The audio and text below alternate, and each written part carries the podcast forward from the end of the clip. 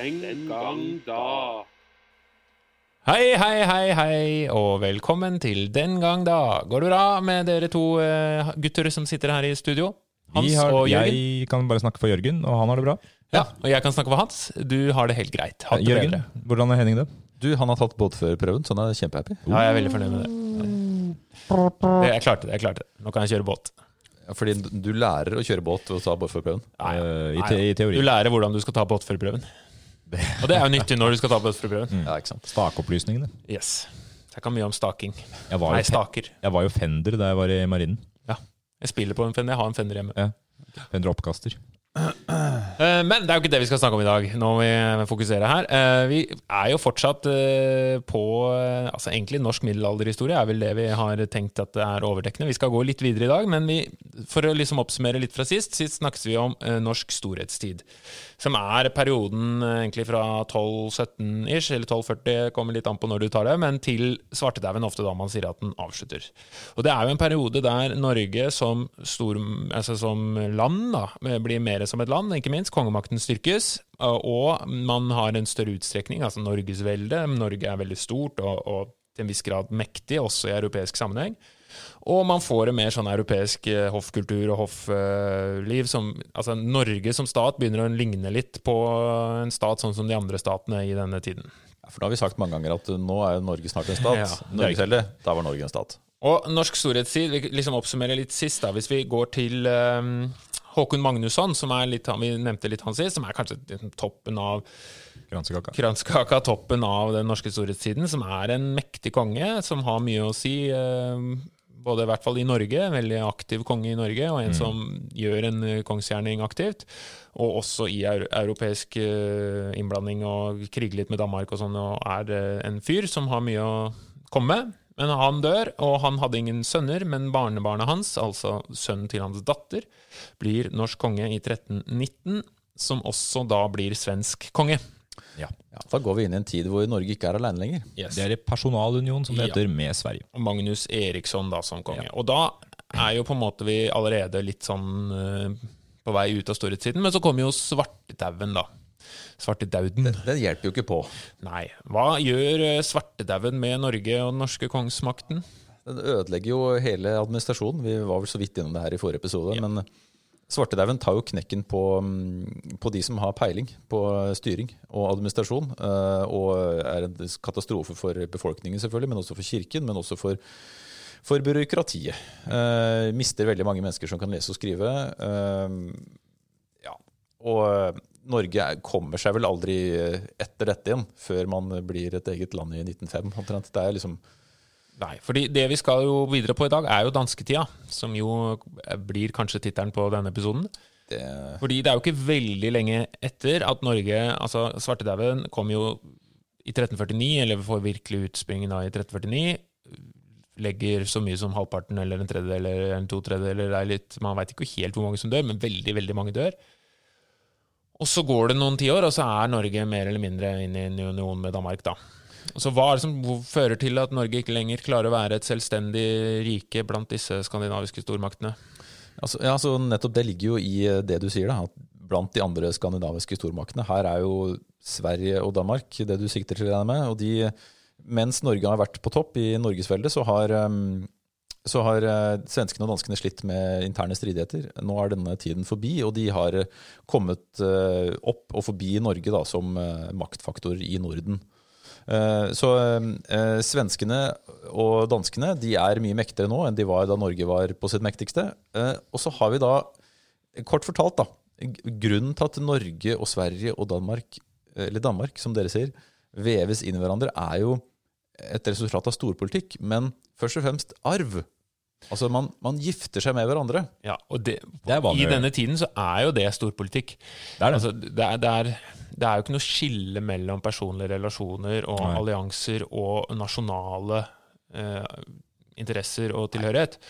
Det går jo veldig mye på altså, Det er kongen i, som er, og hans allierte som på en måte styrer, som er mer eller mindre Ja, nasjonen. Dette ser vi fra, altså I mange av de forrige episodene vi har laget med Norge vikingtid og middelalder. altså den, den personlige relasjonen du har til kongen, eller dronningen, da, som vi skal se i dag, er, er det viktigste. For hvordan makten utøves. Altså hvordan du klarer å søke støtte gjennom å gi privilegier til de rundt deg, og hvordan du Ja. snor deg i den, det derre hofflivet, da. Mm. Og klarer å plassere dine folk på tronen. Eh, Fordi fram til nå har jo arverekkefølge og tronfølgelov vært vage greier. Altså det skjer, det skjer ting i Norge etter Håkon Håkonsson, men, men fortsatt så er det eh, maktfaktorer som ligger i enkeltpersoners eh, utøvelse av den. Da. Ja, ja.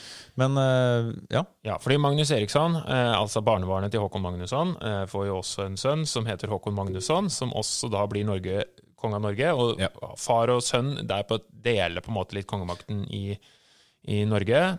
Ja, og deler også delvis mellom Norge og Sverige, sånn at de sitter jo hver seg. Altså, Men Håkon Magnusson han gifter seg jo med en uh, viktig person. ja, altså dronning Margrethe. Ja. Eh, og er det Hun er jo kanskje en del som har hørt om. Ja. Ikke den nåværende dronning Margrethe. Nei, Altså, hun er jo faktisk den andre. ja. Ja. Så, så dette er dronning Margrethe den første. Det Så, er riktig. så det, er ikke, det er ikke mange Margreter. Eh, men, Det er noen år mellom. Eh, Så høflig skal vi være mot nåværende dronning Margrethe. At eh, det er, eh, hun, selv om hun røyker, så er hun eh, Hvor røyker hun. Ja, og hun holder seg utrolig godt. Så det er ikke det at hun, altså hun ser kanskje eldre ut enn hun er, selv om hun holder seg godt. Jeg vet ikke hva en av eller? Nei, jeg vet ikke. hva det er. Slutt, da. Uansett.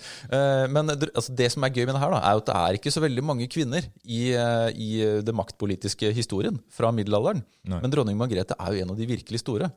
Eh, og hun er jo en Tror du det er fordi hun er dronning? Altså, det, det er noen Om hun var like kjent hvis hun eksempel hadde vært budeie? Eh, sannsynligvis ikke. Men hun er, jo, hun er jo en mester i det taktiske spillet her. For først, eh, etter at henne, for hun er gift da, eh, med denne Håkon den 6. Magnusson. Ja. Og så dør Håkon den 6. Magnusson i eh, 1380. På tokt i Sverige. Han utsteder Leidang og drar til Sverige for å herje. Gikk ikke så bra, det. Det gikk ikke, han døde. Men De hadde barn, da. Oluf eller Olav. O Olav, ja. Ja, ja, men det Ja, også- avhengig av språket Oluf på norsk. ja ikke sant? Og så Olav eh, klarer hun da å, å få på tronen. Han er arving, og det er greit nok. Eh, problemet, eller ikke problemet, for henne er jo ikke det et problem men han er, han er jo et barn. Så hun eh, blir jo den som er de facto regent, altså den som i praksis styrer fra Norge. 1380. Noen år før dette så har hun også blitt eh, hyllet som dronning av eh, Danmark. Eller Ja, Danmark. fordi faren hennes, Valdemar, eh, konge i Danmark, dauer i 75. Ja. Eh, Og så tar hun over en liten periode, og blir også hyllet på tinget i Skåne, som da er dansk område. Det er jo en grunn til at skånedialekten er så rar, for det er jo en opprinnelig et dansk område. Eh, Skåne, ikke sant? Så, eh, så hun da blir hyllet av landstinget i Skåne i 1376. Så i 1380, når hennes mann dør, så er hun dronning eller regent i Danmark. Og så passerer hun sin sønn Olav på tronen, som hun da styrer som sin eh, ja, lille sønn. Og da er hun da dronning over to land. Ja, så da er vi jo i praksis sammen med Danmark. Ja, Personalunion, da, igjen. igjen. Der. Og så, går det, og så går det noen år, og så er det i Sverige, vet du. Der er det kaotisk. Blant annet noen konflikter rundt området Skåne. Det er lovnader om at Sverige skal få det, og sånn, det skjer ikke. Eh, og så beholder danskene det noen år til. Men, men der er det kaotisk. Ja, der er det fraksjoner som eh, velger konger og fram og tilbake.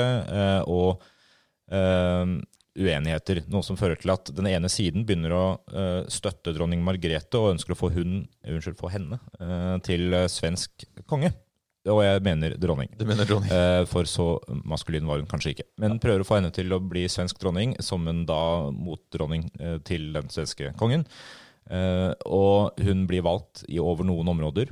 eh, Og med, med, av den fraksjonen som støtter de områdene. Og så får hun også da støtte av dem til å prøve å ta resten av Sverige. Noe hun etter hvert klarer ved å innta Stockholm.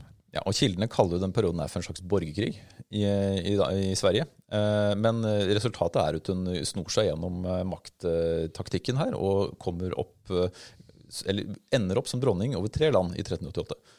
Eh, Hun er litt som han uh, i Shawshank Redemption. Hun svømmer gjennom masse drit og kommer ren ut på andre siden. Ikke sant? Uh, Frihetens regn, her, mener du? Ja, på norsk? ja, Ja, ja, ja, Ja. Men det, også bare for å liksom ta, bare for å forstå hva det innebærer altså, Det innebærer også det gamle Norgesveldet. Så hun er altså dronning over hele det gamle Norgesveldet. Island, Grønland, flere av Vesterhavsøyene. Danmark, Norge, Sverige. Som også kontrollerer Finland. Ja. Så hun er altså dronning over i, i praksis hele, ja, hele Nordkalotten da, og, og øyene rundt. Har de kontroll over Slesvig og Holsten og sånn også, i Nord-Tyskland? Danmark altså, på det tidspunktet? Det kommer litt senere? Vet? Det kommer senere, så vidt jeg husker. En liten periode under Ja, det, ja, det, det, ja jeg tør ikke å gå inn dit. Eh, men uansett, hun er svært mektig. Ja. og så går det noen år. Eh, Det gjør gjerne det i det, så gikk det noen år, som det står i sagaen. Men 1397 er et annet viktig tall her. Ja, for hva skjer da? Da har man det som kalles Kalmarunionen. Ja, Um, og det er en slags um, en avtale. Er en slags union en avtale, en union mellom Som som Norge blir laget i Kalmar, eller? Ja, det- Byen Kalmar? Kalmar. Ja, uh, og, eh, og her eh, lykkes hun med å få sin egen fostersønn Erika Pommern på tronen. Poeng, poenget her Ja. er jo da at eh, det som er greia med personalunion, er at den gjerne opphører idet personen dør. Da. Eh, Men når man klarer å stadfeste at dette her er en union som er større enn bare personen som sitter på toppen, så har man jo bundet de tre landene sammen på en annen måte enn bare Men hvorfor Erika Pommern? Nei, han er hennes eh, f- fostergrann eh, Ja, hva skjedde med Hadde ikke hun en sønn? Jo, men han dør jo, han. Ja, det, han, ja, ja, ja, ja, ja. Fordi eh, Olav han dør i 1387. Han er jo borte allerede. Men, eh, men poenget allerede, da, allerede før han dør. ja, allerede før han dør. Han var ikke gammel Men, da. men hun lykkes da å sette sønn nummer to på tronen, som Mm, hun jo også styrer for Erika Pommern. Han er jo også et barn. Så eh, dronning Margrethe som, han er jo ikke hennes ektesønn, Nei, men en hennes søsters barnebarn Ja. er Erika Pommern. Eh, og han, eh, han da settes på tronen i 1397, men det er hun som styrer i praksis fram til hun dør i 1412. Ja. Så hun er jo en mektig, mektig eh, figur i både norsk og dansk og svensk historie. En, en, en, maktpolitiker av rang. Ja, hun er ganske utradisjonell da, for, for uh, den typiske middelalderske styret. Det er ikke mange dronninger altså, som, uh, som, som, man, som, som det fortelles om, i hvert fall. Uh, og og det, er jo, det er jo forfriskende at det kommer en kvinne på toppen. Jeg vet ikke om hun Men hun også må jo uh, dytte noen guttebarn foran seg, da. Hun Eh, gjør jo det, og velger strategisk barn. Da. Men, men forfriskende, ja ja. Jeg vet ikke om folk liksom eh, Nå var det jammen på tide å få en kvinne nok, på toppen. Tror, du- ja, tror Hun var nok knallharde som de fleste andre regenter Ja, på den tida. Hun hadde vel de samme egenskapene som mennene på toppen hadde, tenker jeg. Men Kalmarunionen er, jo, er jo liksom endelig slutt på norsk selvstendighet. Man kan jo si at dansketida begynner i 1380, eh, eller i, i 1397 med Kalmarunionen. Eh, eller i reformasjonen, som vi skal komme til. Men nå er jo Norge Altså, det tar veldig lang tid før Norge igjen blir et selvstendig land. Så nå er vi liksom inn i Kall det dansketida, da. Altså Norge som underlagt Danmark. Erik, kan jeg bare få slenge en fun fact om Erika Pomeren? Ja, ja, ja. Fordi han, eh, han ble fratatt litt eh, gradvis rettigheter etter hvert eh, som regent. eh, Og så endte sine dager bitter og gæren som pirat i Østersjøen. Han herja rundt Gotland og sånn. ja interessant. Ja. Han ble sjørøver. Det er morsomt. Så han gikk rett og slett Han bytta karriere. Ja, han bytta karriere. Ganske, ganske bra gjort, det òg. Ja. Sånn, tok en etterutdanning, tror du? Ja, det kan hende. Arbeidsavklaringspenger. Ja, så, Men Kalmarunionen er et kjempeviktig steg. Eh, Kalmarunionen er jo en sånn egentlig både Norge, Sverige og Danmark, da. Som, som er union, eh, og som et sånt samrike. Og Kalmarunionen eh, altså, Det er jo viktig, ikke sant. Det er jo tre parter her, men Norge er jo jevnt over den underlegne parten. Norge har færre folk, hvis vi mm. sammenligner med Danmark. Eh, selv om Danmark rent geografisk er jo større da, men er mindre enn Norge. Eh, men det er flere folk, eh, mer åkre og flere byer, og rett og slett er, eh, har mer ressurser. Så Norge blir jo en underlegen part. Ja, og. Danmark er også lettere å styre, da. Ja, mindre.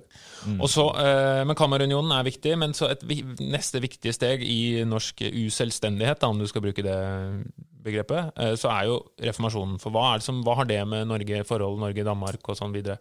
Ja, altså Reformasjonen er jo, er jo et religiøst vendepunkt da, for eh, norsk historie. Eh, Norge har jo blitt kristna. Eh, reformasjonen tar jo Norge i en ny religiøs kristen retning fra å være katolsk til å bli protestantisk. Og dette er jo i 1536 eh, som det skjer, og det er viktig også å påpeke at Sverige har jo klart å sno seg ut av Kalmarunionen Ja ja. før den tid, eh, men det har ikke Norge. Nei, Så 1523 så er Sverige ute av Kalmarunionen, men Norge fortsetter da ikke ja, som, som en relativt likeverdig part. Men eh, det som er katastrofen da, for det norske politiske systemet i 1536, er at Riksrådet det, for, det slettes. Med eh, pen, et pennestrøk fra, etter påtrykk fra den danske adelen, så, så sier den danske kongen at nei, nå opphører Riksrådet. Mm. Og Riksrådet er Norges eh, øverste politiske styrende organ. Eh, Vi er underlagt en dansk konge, ja, men, men Riksrådet har i hvert fall hatt en viss politisk styringsevne og en styringsrett i, i, i norsk territorium. Men hvorfor ønsker man å endre religionen i Danmark? Altså, det, her er, det her er en del av en større europeisk bølge, da, selvfølgelig under reformasjonstida fra 1400-tallet framover. Ja, for Reformasjonen er jo bruddet med den katolske kirken. Det er der hvor man begynner med protestantisme, da, eh, og luthersk, eh, som er jo den som får rotfeste her i, i, Mm. i, i Skandinavia. Og protestantismen handler jo det er, Én er jo et religiøst brudd med den katolske kirken. Man er jo enig i en del eh, av den religiøse utøvelsen, men fordelen for kongsmakten er jo at nettopp fordi i den katolske kirke så er det jo paven som er den øverste leder, og, og, og det katolske kirke er en selvstendig institusjon. Og som vi har vært litt innpå gjennom disse episodene, er jo at det har, jo vært en maktkamp mellom kirken og kongemakten opp Ja. igjennom. Det er en gjensidig avhengighet, men også liksom mye kniving om hvem skal styre hva, hvem skal bestemme hva, og hvem er størst og hvem er best. Men i den reformerte kirken, altså i den protestantiske kirken, så er det jo kongen som på en måte er den øverste myndigheten i, Ja. i kirken i det kongsriket ditt. da. Og det er en veldig fin ting hvis du er konge. Da slipper du å forholde deg til uh, biskoper og erkebiskoper og prester og paver som sier hvordan du skal oppføre deg. Og så kan du i tillegg da ta inn veldig mye gods, altså eiendom som kirken har uh, hatt kontroll over. Ja, du konfiskerer det, rett og slett? Det er rett og slett en sånn maktpolitisk uh, genistrek, egentlig, hvis du er konge. Uh, så, så er det jo litt også, skal man jo ikke se bort ifra at det har vært religiøse overveininger til stede, men sett sånn i ettertiden så er det jo lett å se at kongen har mye å tjene på det, da. Og det er noe, Mye av forklaringa på de endringene som skjer, er jo delvis det. altså Noe av det er jo altså Det er mange motivasjoner bak mye av endringene, men også, men også kan vi jo se hvordan eh, maktpolitiske ting gjerne styrer. da, F.eks. Hele, hele konseptet med Kalmarunionen. At, at eh, både Norge, Sverige og Danmark eh, på et eller annet vis ser seg tjent med å gå inn i union, er jo f.eks. også, mener noen, for å stå imot presset fra tyske handelsforbund. ikke sant? Som vi har snakka med i forrige episode, at de er sterke, og i samla så står man sterkere mot den fraksjonen. da. Ja. Eh, Hansa-forbundet er jo en maktfaktor, ikke bare økonomisk, men også politisk. Som, Men reformasjonen da er jo liksom da man ser at Norge nærmest slutter å eksistere som en egen stat, og man blir et lydrike under Danmark. er den populære betegnelsen da. Den gang da. ja, og, og danskene eh, er jo de som kommer best ut av det, kan du si. Jeg, Jeg, jeg, når jeg forberedte meg til denne, eh, denne podkasten, så leste jeg en, eh, lite, en liten del av historieverket til Hans Jakob Orning, som er norsk middelalderprofessor. og han, han stiller spørsmål i en av overskriftene sine. eh, Eksisterte Norge fem, på 1500- og 1600-tallet? Ja. Altså, han, liksom, som han sier sjøl, det er interessant at man i det hele tatt stiller det spørsmålet. Men, men det er et legitimt spørsmål. Fantes Norge mellom 1500 og 1600? Fordi de, de er bare en kolonimakt. Nei, unnskyld, en, en, en koloni under Danmark. De har ikke konge, de har ikke politikk, men de har likevel et folk da, som, som i stor grad viser det seg, i hvert fall ifølge noen kilder, definerer seg som norske. Og så sier man også kanskje at danskene også spilte opp under det, for at da kunne de si at de var en kolonimakt ved å nettopp si at ja, vi har noe som heter Norge. Så ikke Ja. de gjør det til en del av Danmark, men de sier at nei, men vi kontrollerer et annet område som er Norge, og på den måten opphøyer seg selv da, som en, som en kolonimakt. Men likevel et område bare i navnet, da, egentlig. Ikke i eh, ikke administrasjon eller, Nei, ikke sant. eller ja, Ja. Og. Norge har jo eh, mange ting som Danmark ikke har.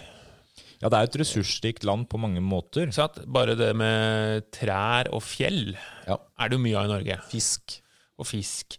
Eh, Så det er jo veldig ålreit å ha tilgang på det. Eh, Ja, og det, og det, altså det vi ser når vi snakker om denne danske tida, er jo at eh, det ofte blir fremstilt ganske mørkt. F.eks. gjennom Ibsens 400-årsnattbegrepet. Men, men at det samtidig er en periode med mye vekst. da. Vi har jo næringsvirksomhet her som vokser fra perioden 1500 til unionen oppløses i 1814. Og det er jo bl.a. fordi danskene ser verdien av å utnytte ressursene i Norge, som selvfølgelig også selv om det ikke gagner Norge like mye som det ville gjort hvis Norge hadde gjort det helt selvstendig, så gagner det jo Norge fordi man, man kan tjene seg opp penger her også. Ja, Men men, altså, eh, dere er jo lærere begge to, i likhet med meg. Og denne perioden her har jeg ofte problemer med å Altså, det er, det er Jeg syns det er vanskelig å få dette til å bli en engasjerende periode å snakke om. Dette lover godt for resten av episoden. Eh, ja, nei, men, nei, men altså for, Bare skru av, folkens. Fra, fra elevsynet, altså, fordi det er, en, det er en periode hvor Norge det er liksom ikke de store krigene for Norge, det er ikke de store ærerike seirene. Altså Norge, ja, Nei. eksisterer Norge i det hele tatt? Det er en periode hvor Norge Nei, liksom det er sant. Det kommer jo det etter hvert med den store nordiske krig, og Ja, sånn, ja. men det er, jo, det er jo en periode Hvor, sant? Det er Ja, den, Det kommer seinere, men, men denne perioden, 1500- og 1600-tallet, er, er vanskelig å få tak på. da. ja, det er som skjer. Det, det, og det er en som er verdt å trekke om, for vi snakker jo om næringsutvikling, er jo viktig. Fordi etter svartedauden så er Norge, som mange andre steder, ganske skakkjørt. Det er lite folk, og det er, det er rett og slett nød og elendighet. Og, men så bygger man seg gradvis opp igjen, da. Og, og Norge blir jo også interessant for da- da- danskene, selvfølgelig, pga. å investere i bergdrift og, og tredje, altså trevarehandel. Ja, ja, men tre, Det er trevarehandel. Ja. Men, men jo, men altså, altså Men da hvis vi hopper litt, da. Christian den fjerde er jo verdt å komme inn på, da. For det er jo en som virkelig så nytten av Norge.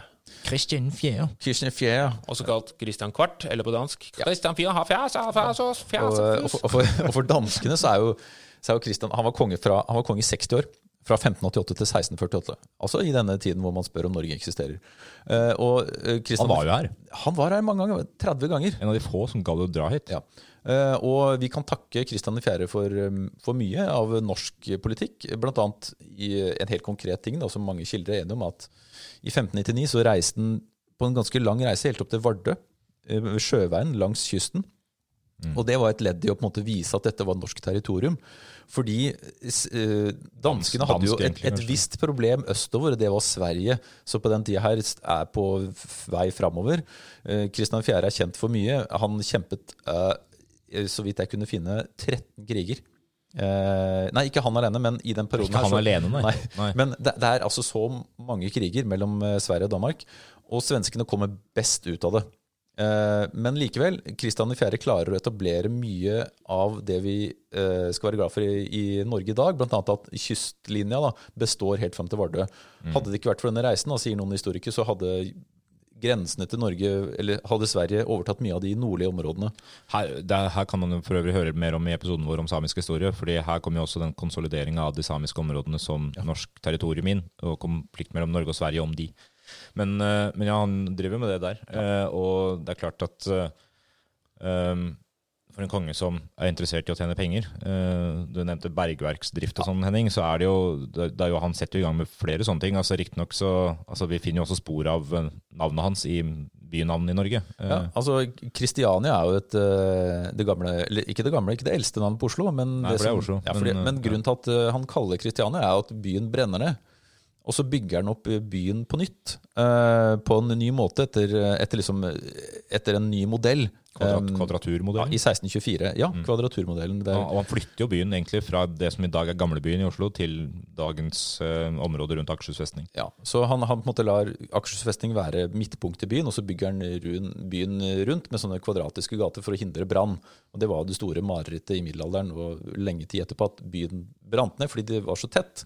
Og så prøvde han å få husene til å bli bygd i mur og ikke treverk. Klarte ikke det, da. Men eh, Han gjorde det her i Kristiansand òg, derav navnet. Kristiansand. Ja, så, så Christian Kvart han, han, han bygger opp eh, Kristiania, oppkaller byen etter seg selv, selvfølgelig, for han er jo konge. Men han etablerer jo også gruvedrift eh, flere steder, bl.a. blant annet i Kongsberg. Etablerer byen Kongsberg. Kongsberg eksisterer jo pga. Kristian Kvart. Um, Det og er navnet Kongens eh, berg. kongens, ikke sant. Så eh, han er, han er kjent mye for bygg, også i, også i Danmark. Eh, Bygg, bygger vete, rug og bygg. Lykkes ikke så godt i krig, men eh, er en veldig fascinerende fyr. da. Han eh, Høyt utdanna, snakket fem språk angivelig. Eh, var glad i kunst og litteratur, var glad i teknikk. eh, Lovverk? Av de fem språkene var norsk og dansk da to forskjellige? Nei, Nei, det jeg tror han, eh, han snakka tysk, engelsk og dansk, og så kunne han gjøre seg forst- forstått på italiensk og spansk, ifølge den kilden jeg leste. da. Eh, Han men- snakket ikke, man kunne gjøre seg forstått. Ja, Og latin var jo ikke så viktig lenger. på Jo, unnskyld, latin vet du om, ja. latin selvfølgelig, Men det var jo også, det er jo et viktig poeng at det var jo litt mindre viktig etter reformasjonen. Eh, ja, selvfølgelig, for da er det ikke kirkens språk lenger. Eh, men Christian Kvart han var en eh, jeg- Jeg karakteriserer han som en slags eh, levemann. Han var glad i fest. Fikk 24 barn med et par koner og en haug med elskerinner. Um, og som et eksempel på hva slags eh, fyr han var, så under kroningsseremonien, som jeg fant en kilde på, så i, i København, når han ble kronet til konge, eh, så holdt de fest i dagevis eh, i Københavns gater og gjorde sånne klassiske ting som du ser på film. Sånn delte ut penger til de fattige, kasta penger til allmuen, og de etablerte en fontene med vin. Altså en fontene som sprudla vin. Altså det, det jeg sånn, Her er det Sprudlevin, noe som drar på litt, da. Sprudlevin. Ja, og så var han en eh, rimelig forfengelig type, så vidt jeg kunne skjønne. Han eh, likte å, han hadde en sånn, sånn lang hårflette. Han eh, pleiet og gjorde pen, og så tygde han kanel, fordi da lukta han godt. da. Lukta kanel, i hvert fall. Ja. Hvis du liker det, så lukta Så godt. hvis du liker kanel Han, det her skriver seg greit inn i barokkperioden nå, da. Men, men han, eh, han, han eh, kom jo med denne norske loven, Kristian Fjæres norske lov, og dette her er jo en oversettelse av Magnus Lagabøtes landslov, som vi har snakka om tidligere. Ja. Eh, og han oversetter den til dansk, da, sånn at folk forstår den. For det er jo et annet viktig poeng. Eh, som en konsekvens av dansketida så ser man også hvordan det norrøne skriftspråket mer eller mindre forsvinner fra norsk, eh, fordi det ikke skrives noe særlig her. eh, For, og det som skrives, skrives på dansk, fordi det de sender gjerne danske administratorer opp til Norge. sånn at de ikke, de, altså I det å ta fra Norge adelen, f.eks., i 1536, så, så tar man også vekk en del administrative funksjoner fra nordmenn, og så sender man inn opp dansker. Og De bruker jo dansk, så da blir dansk administrasjonsspråket. Så da, da må man oversette disse gamle norrøne tekstene på nytt igjen da, til, til dansk. Ja, og, og utdanningsinstitusjonen framfor noen var jo København. Universitetet i København. Så hvis du skulle utdanne var norsk, da, bodde i Norge, så dro du til København, og så lærte du deg det dannede språket der, da. Vi ser jo hvordan København også da blir liksom første, første steget ut i det store Europa for nordmenn. og Sånn, sånn er det jo egentlig fram til uh, Universitetet i Oslo, altså datidens uh, kong Christian, prins Fredrik universitet, jeg husker ikke hva det het, ble oppretta. Eh, Seinere, på 1800-tallet, så ser vi hvordan Danmark og København blir første vei utover i verden for nordmenn. En annen, eh, en annen fun fact, hvis jeg kan få med det, er at um, Eller fun fact, det er jo, det er jo ikke det. fordi Ja, Da syns jeg det var dårlig solgt. ja, ja, En av de siste krigene som han kjempa mot uh, Sverige, um, tapte han. Uh, Den også, ja. Uh, Svenskene invaderte Jylland og gikk, eh, gikk også mot Skåne, som da var dansk. da. Um, og Det er det som på norsk kalles for Hannibal-feiden. Fordi den norske stattholderen, da, som var på en måte kongens mann i Norge, Hannibal Seerstedt, han, han fikk i oppdrag å, å skape en slags motfront fordi svenskene holdt på å ta Danmark. Det kalles vel ikke det i Sverige? eller? Nei, det kalles for uh, Tors, nei, ja. Er det Ja, det? har flere som feider som etter den eh, svenske generalen. Uh, Men uansett, um, det gikk ikke så bra for Danmark. Uh, Og det var her, i freden i Brømsebro i 1645, at Norge måtte, eller Danmark-Norge da, måtte gi fra seg Jämtland og Herjedalen. Så det er på en måte de, de gamle norske områdene som blir da overført til Sverige som et slags krigsbytte.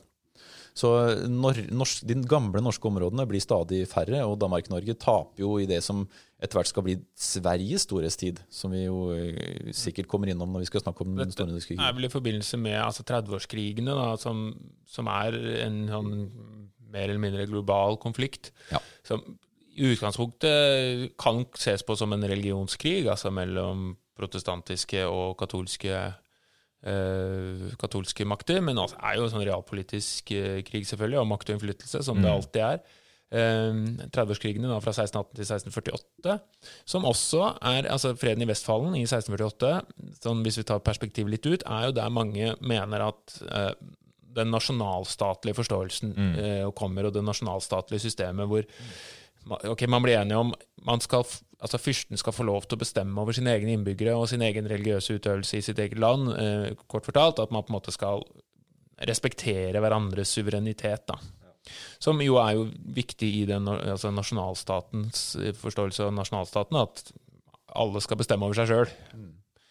Det er, jo, det er jo ikke et konsept som, eh, som som er så gammelt som man tror. Altså det med tanken mot at man er en del av et land, er jo eh, Nei, så vi snakker om Norge som stat, men det er ikke det samme som nasjonalstat. nødvendigvis. Og så ser vi at klart begrepet nasjonalstat det er nok nyere fra 1800-tallet, og sånn, men nasjonsbegrepet, men, men, eh, men rammene for det og hvordan det, beskrivelsen og innholdet i det stammer nok tilbake til det der. ja. Så det er viktig. Og så er det jo en viktig eh, trinn til som vi må innom. Eh, 1660 så skjer det noe viktig. Ja, uh, Kristian 4. får jo en, eh, han får mange barn, som sagt. En av dem er Fredrik 3. Eh. en, det som er litt sånn fordelen med dansketida altså vi snakket om borgerkrigstida, og det, er, det er mye like navn Håkon Magnusson og Magnus Håkonsson, og det er mye surr, og det er hvem. Men i, i liksom dansketida utover så er det veldig greit, for det er Kristian, eller Fredrik. Ja, Og så har man slutta ja. med en navn som kommer fra faren. Så man har på en måte, man har gått over til å bare hete det samme til etternavn. Og de bruker stort sett ikke etternavn på kongene på den tida. Man har, Han heter jo også Christian Fredrik, da. ja, det, det det, etter hvert så het, Ja. er det en som heter Christian Fredrik. Men du har Christian Fredrik, Christian Fredrik, og så fram til Christian Fredrik. Nettopp. Så jeg, det, er, det er vanskelig å holde oversikt over de kongene her. Ja, men Særlig når de heter det Du har samme. bare at- 50, 50 sjanse for å ta rett, da, i hvert Ja, det har du. Også, og så kan du huske navn, numrene bak, fordi du har Christian 7., som får Nei, 7., Christian 4., som får navn, sønnen, sønnen Fredrik den Tredje. tredje. Ja, Og da, da, da vet vi også at eh, sønnen alltid har tallet bak Ja. eh, faren. Nettopp. Men, eh, men du tenker på innføring av enevelde? Ja, fordi det får vi også i Danmark-Norge, da. Enevelde. Enevelde kongemakt. Og uh, enevelde har jo sikkert noe, vi har vi jo snakka om mange ganger, men det er jo ikke sånn kongens ubestridte posisjon som absolutt monark, da, som den som på en måte styrer alt og er ubestridt. Det som vi tenker på som en klassisk mektig konge. Ja, skikkelig mektig konge. Ludvig den 14., Frankrike. Ja, men det får vi jo i Norge, Danmark-Norge da, i 1660. Ja, Gjennom et form for statskupp, nærmest, fra den sittende Det er litt interessant. Ja, Kristian 3. Det er en, det er, han har tjent, eh, eller ikke tjent, han har tapt mye penger på kriger med Sverige, akkurat som faren, og han eh, skylder adelen ganske mye spenn. Eh, Og borgerne, for så vidt også, i København. Han har lånt mye penger. Eh, Og For krig er dyrt. Ja, krig er dyrt, og han kaller inn til riksråd uh, for å bestemme noen ny skattlegging og sånn. Og det blir konflikter mellom adel og borger og presteskap. Det her minner litt om opptrappinga til revolusjonen i Frankrike noen år seinere. Men uh, det ender i hvert fall med et, uh, en, eh, en løsning der Christian går imot eh, adelen eh, med støtte fra noen av de andre eh, stenderne. Um, eller fraksjonene, og ender opp med da å få enevoldsrett og eh, ta vekk en del rettigheter fra adelen når det gjelder riksstyrerettigheter. da. Ja, eh, og eh, dette går jo utover de andre, selvfølgelig, og kongen blir da sittende mer eh, som en, som en enehersker. Da. Ja, og det bedrer jo ikke Norges rolle heller i unionen. Selvfølgelig det at han, altså Når folk i Danmark og adelen mister enda mer makt, så mister jo også selvfølgelig Norge makt. Ja. Så etter 1660 så, så er kongen mektigere enn før 1660, kan man i hvert fall si. Og så, eh, Vi må gå litt framover her, men eh, Sverige er jo en stor makt også på denne tiden. Eh, men så får du den store nordiske krig fra liksom begynnelsen av 1700-tallet til 1721, hvor man angriper Sverige fra flere hold, og flere stykker som går inn for å kvitte seg med disse jæskla-svenskene.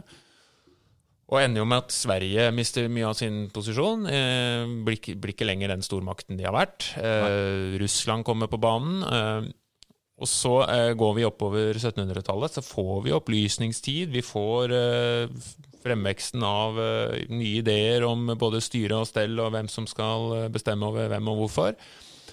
Og så er jo liksom det her vi må se da hvordan vi går ut av unionen med Danmark. Ja, fordi da, da må vi jo se det her i sammenheng med storpolitiske eh, hendelser i Europa, og særlig kanskje fransk revolusjon og napoleonskrig. Fordi du, du har en periode eh, der fra 1789 der, der Frankrike får en revolusjon. Eh, det utvikler seg til, eh, til konflikter internt, som blir konflikter eksternt, fordi Napoleon eh, tar makta, slash får makta, og begynner å krige nordover. Og andre steder. Østover, vestover i det hele tatt. Blant annet i Tyskland. Og så får han støttespillere og fiender, f.eks. Storbritannia som tydelig motpart. Og så får han støtte fra Danmark-Norge.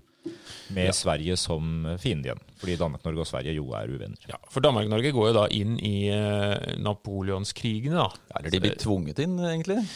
Ja, si. ikke Det sant? spørs hvem du spør, da. Fordi det store flåtteranet i 1807, hvor, hvor eh, de britene kommer til København og bomber og stjeler båter og ikke måtte på, som gjør at Danmark går inn i krigen på Napoleons side. Ja, fordi, bare for å si det helt kort, altså, den norske flåten, dansk-norske flåten som ligger i København, er Europas femte største flåte, og britene er livredd for at Napoleon skal få tak i den. Så, Her- de, så de stjeler den.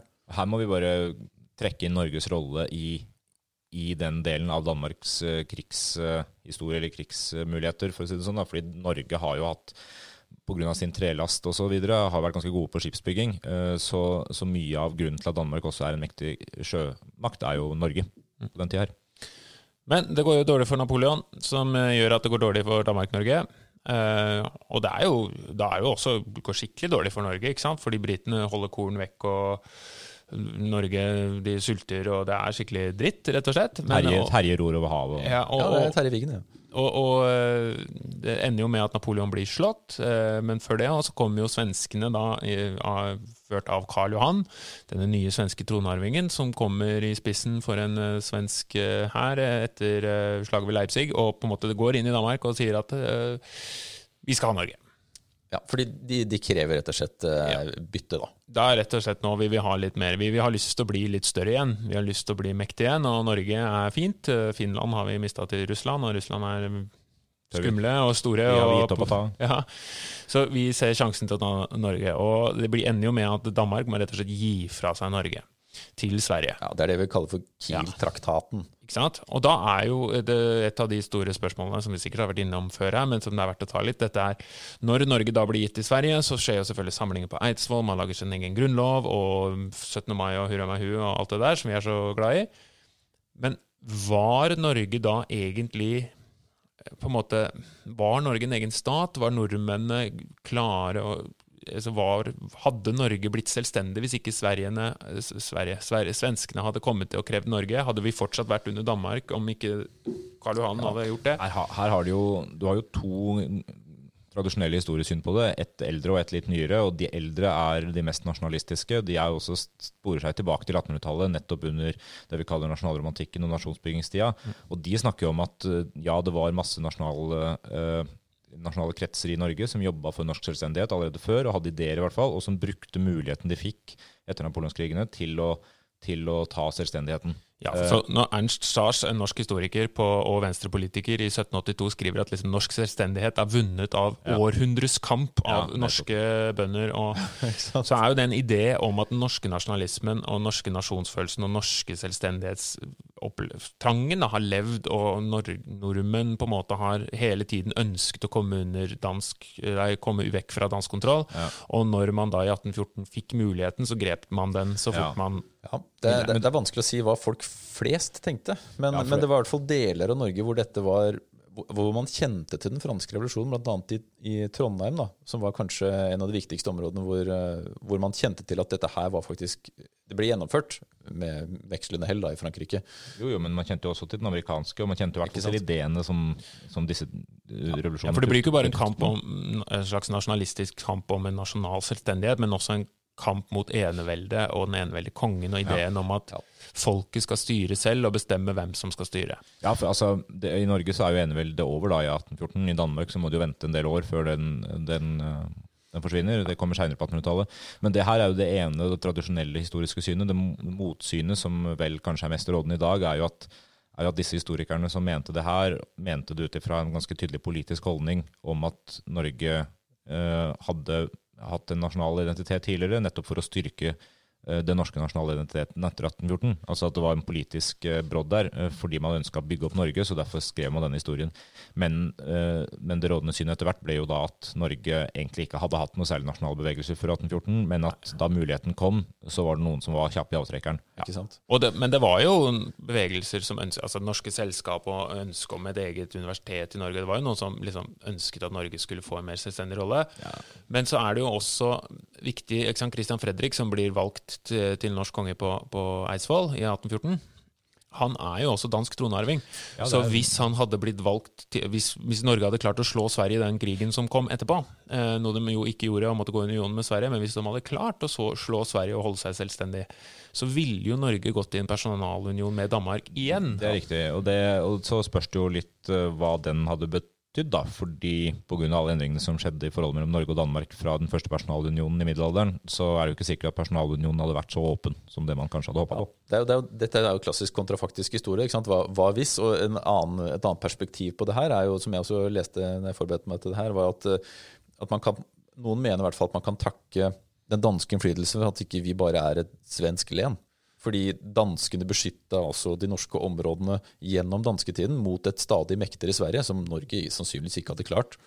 Så, så hvis ikke dansketid, så kanskje vi hadde snakka svensk. Og så er det jo viktig igjen, altså Historien er jo det som noen få gjør, mens eh, resten dyrker jorda. Altså, For den, de fleste i Norge, altså bøndene som er opptatt med å overleve neste vinter, så er det kanskje ikke så farlig hvem som sitter og krever Nei. skatt, og hvem som bestemmer og sånne ting. ikke, for skatten er lik uansett, mm. så lenge nasjonalfølelsen ikke er veldig sterk. Og det, det er jo Du nevner at noen fraksjoner jobba for eh, norsk selvstendighet før 1814, men jeg tror at den jevne nasjonalfølelsen blant folk ikke egentlig var så, var så sterk. Og, og, det er mye som også tyder på at også, Du nevnte den norske selskap der, altså norske studentgruppa i København. At de også strengt tatt uh, så på Danmark som det naturlige fedrelandet, mens, mens moderlandet Norge mer var den, måte, der hvor du er født, men at Danmark var en naturlig administrator. da. Ja. Og fordi, for, for den jevne bonden, da, praktisk fra middelalderen til slutten av 1700-tallet, så var det, det, var det, var stort sett sikkert de samme problemene. Altså Det var ja, det å få, var... få, kornet til å gro, få huset til å være varmt, og få barna til å ikke dø. Og hindre undertrykkelse fra stormenn, enten de var norske eller danske. Ja. Det er jo ett fett, ikke sant. De, da, da, har du det fiffige paradokset at de som er de som får utdannelsen sin, de får den i Danmark. Mm. Og dermed blir kanskje mer pro Danmark i og med at de har fått utdannelsen, mens de som er er hele livet i Norge og ikke får utdannelse. De er norske, men de har kanskje ikke den samme politiske innflytelsen. Det er et poeng. og du ser jo altså, De navnene vi kjenner til av type norske forfattere, norske stormenn, og, eller ikke stormenn, men norske forfattere og viktige personer, da, de, de, har jo en sterk kobling til Danmark. ikke sant? Vi har uh, alt fra Ludvig Holberg til uh, har vi noen andre? Ludvig Kolberg. Ja, Petter Dass, kanskje. Men han var primært nordlending, så danskene likte han ikke noe særlig. Det var for langt unna. Men, men danskene hadde jo stort sett kontrollen, ja. Men 1814, unionbrudd, vi går inn i Sverige, og så er det jo en personalunion med Sverige fram til 1905. Eh, trenger ikke å gå inn på den nå, for det er jo dansketida som er tema. Men den danske, vi har vært litt på det, men hvordan, har, eh, hvordan lever Danmark videre i Norge? Hvilken påvirkning har eh, danskene hatt på Norge da? Du, altså, det var jo en periode hvert fall, vi fikk kjøpt sånn uh, sjokoladepålegg, hardt sjokoladepålegg. Sånne plater, ja. plater ja. Men det, det, er vel dansk, er ikke det? Det er, dansk, det er kjempegodt. Men det får vi ikke lenger. Så der har vi, det, det, kanskje, var det det siste vi rista av oss? Det var det siste vi rista av oss. Nei, men, røde pølser, da. Røde pølser. Ja. Jeg spiste rød salami i stad.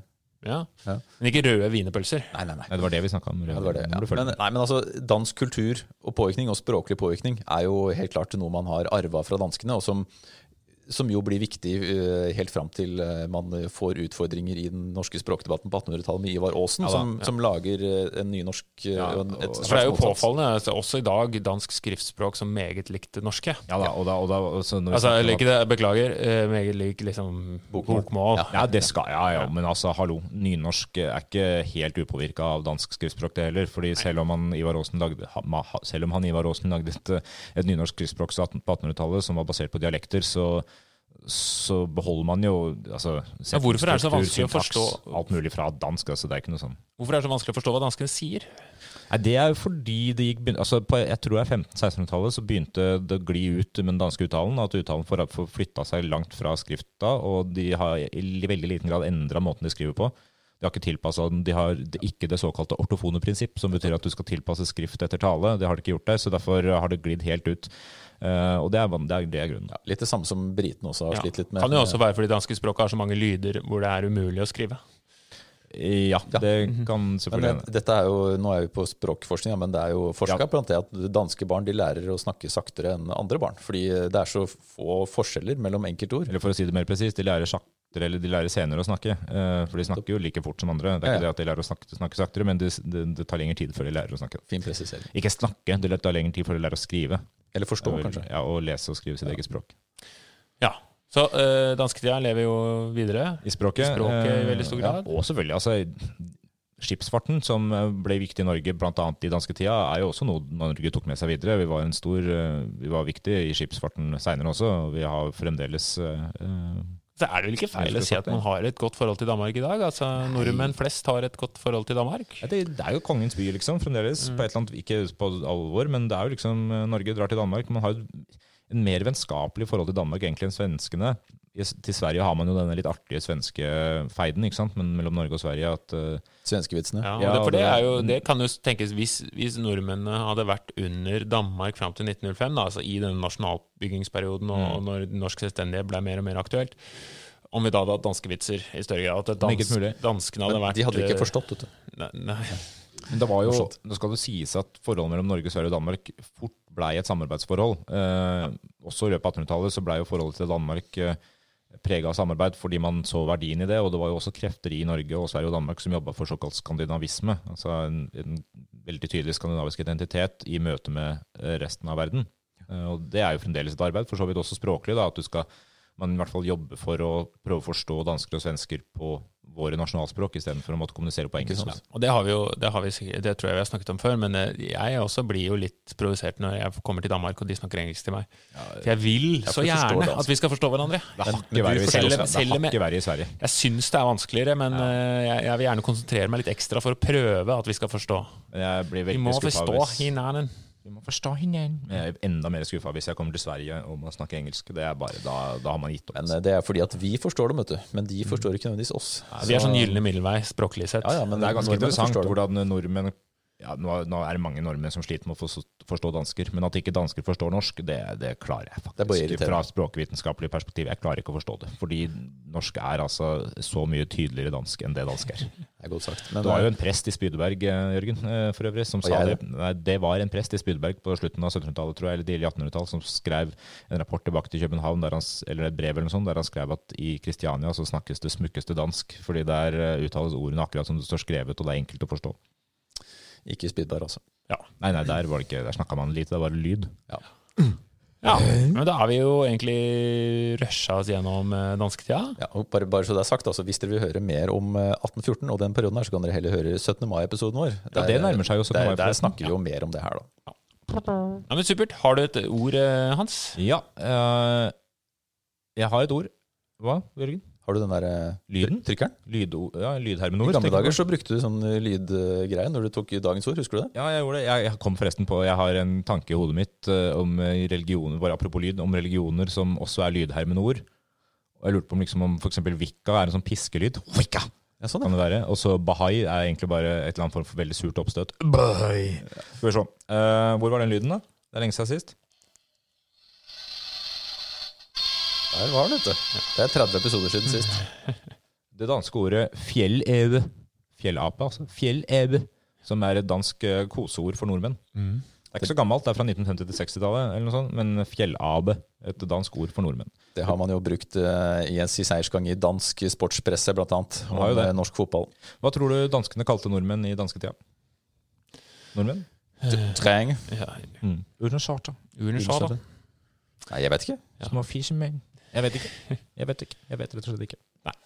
Men eh, skal vi la det være avslutningen av denne episoden, og så sier vi takk for nå. Eh, god 17. mai når den tid kommer, hvis dere hører på dette ganske umiddelbart etter det er lagt ut. Eh, ha det bra!